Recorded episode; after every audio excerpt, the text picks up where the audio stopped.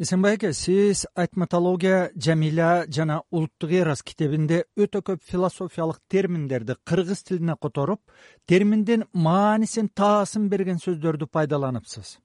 Мисалы вечные вопросы. Мурда түбөлүктүк маселелер деп айтылып колдонулуп жүрсө сиз такылеттик маселелер деп алыпсыз. Бытие дегенди болмуш человеческое бытие адам болмушу духовное бытие жан дүйнөнүн болмушу мышление ойлом познание тааным билим абстрактуу бейтаасын жана башка көп сөздөрдү колдонууга ишенимдүү киргизгенсиз.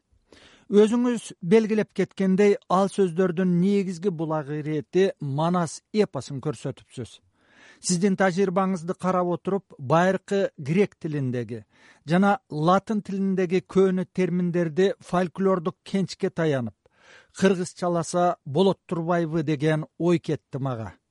Ушул жөнүндө да оюңузду айта кетсеңиз эми мындай да амырбек биз мынау терминдер жөнүндө сөз кылгандачы бул терминдер мурдагы эле терминдер айрымдары жакында эле пайда болгон терминдер. Баленин барымында да биз кыргыздар анча мынча нерсени көп нерсени окубайбыз.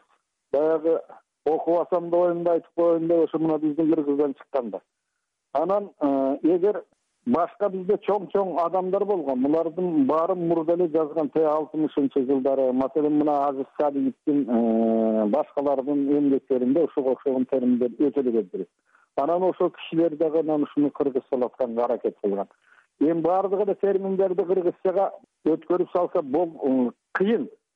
Бирок ошентсе дагы анча мынча оңтойу ыңгайы мааниси жагынан төп келип тургандарды менимче кыргызчалатып эле айтыш керек жаза бериш керек. Анан ошентип ошентип акырын сиңет да анан мынау дүйнө тааным жагынан э, философия жагынан э биз кыргыздар караңгы анан андай мындай жок. Биз мен ошол жерде көрсөттүм. Мына шумерлердин философтору кандай ойлонсо биздин кыргыздын байыркы э, эң байыркы кыргыз философу да дал ошондой эле ойлонгон экен. Анан ошондон бери болгону өзүбүздү өзүбүз карабай өзүбүздү өзүбүз изилдебей өзүбүздүн маданиятыбызга дасмыябызга жанагы маданий дасмыябызга кеңири көңүл бурбай. Жалаң башкаларды туурап атып башкаларга алакан чаап ошолорго тамшанып атып өзүбүздө турган нерселерди кичине көрбөй калыптырбыз. Мен ушуга толук көзүм жетти анан эми анча мынча ошол терминдерди колдон келишинче кыргызчалатканга аракет кылдым. Ал канчалык өлчөмдө жакшы чыкты туура чыкты. Аны эми окугандар өздөрү айтышар сиз бул китебиңизде бикамералык аң сезим деген гипотезага таянып манас эпосун биздин заманга чейинки тогузунчу сегизинчи кылымдарда жаралган деп айтылып жүргөн гректердин илияда эпосу менен бир учурда жаралган деген ойдун учугун чыгарасыз. Тактап айтканда эпикалык поэманын каармандары өз ара сүйлөшөт сүйүшөт мамиле күтөт. Бирок өз алдынча ой жүгүрткөндү билбейт жагдайды талкуулай албайт өткөн кеткенди эскере алышпайт ушул оюңузду угармандар менен да бөлүшсөңүз азыр. Менимче мамырбек бул мындай да биздин манастын неги тамыры мындай карап көрсөң. Ал жерде жалаң эле э, тиги уруш муруш эмес ал жерде башка дагы э, маселелер бар да башка дагы окуялар бар башка дагы сүрөттөр бар башка дагы мындай идеялар бар э. Ошолорду карап отурсаң биздин манастын э, тиги баш Э, ошол байыркы эле ошо э, шумерлерге ошолорго эле барып такалат окшойт деп калдым. Себеби ошолор ойлогондой эле ошолор тарткандай эле бир санаа тартып ой толгоп атпайбы бирдей баардыгы анан болгону тигилер э, маселен одиссея тиги илияда булар кагазга жазылып калган.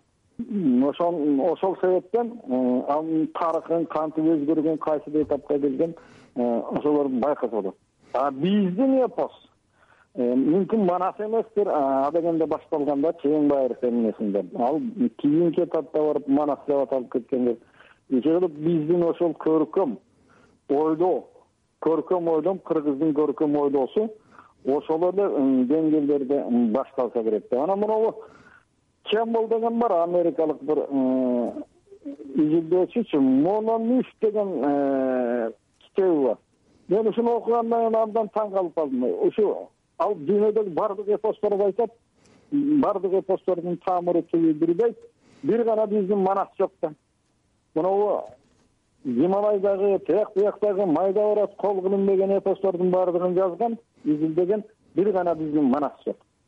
Муну менен ошо биздин манасты дүйнөдө көп ошол бир адистер өзгөчө мифология боюнча адистер билбейт экен деп калдым да эгер ошо джозеф кембл сыяктуу бир ири чоң чоң адистер мифология боюнча адистер билгенде биздин манаска сөзсүз кайрылмак да ал жерден далай нерселерди менимче тапмак экен сиз айтматология жамиля жана улуттук эрас деген китебиңизде чыңгыз айтматов орто кылымдарда жашап өткөн күн чыгыш ойчулдары менен акындары аль фараби ибн сина рудаки низами баласагын жана башкалардын эки бирдей улуу тажрыйбасын кайталаган дейсиз.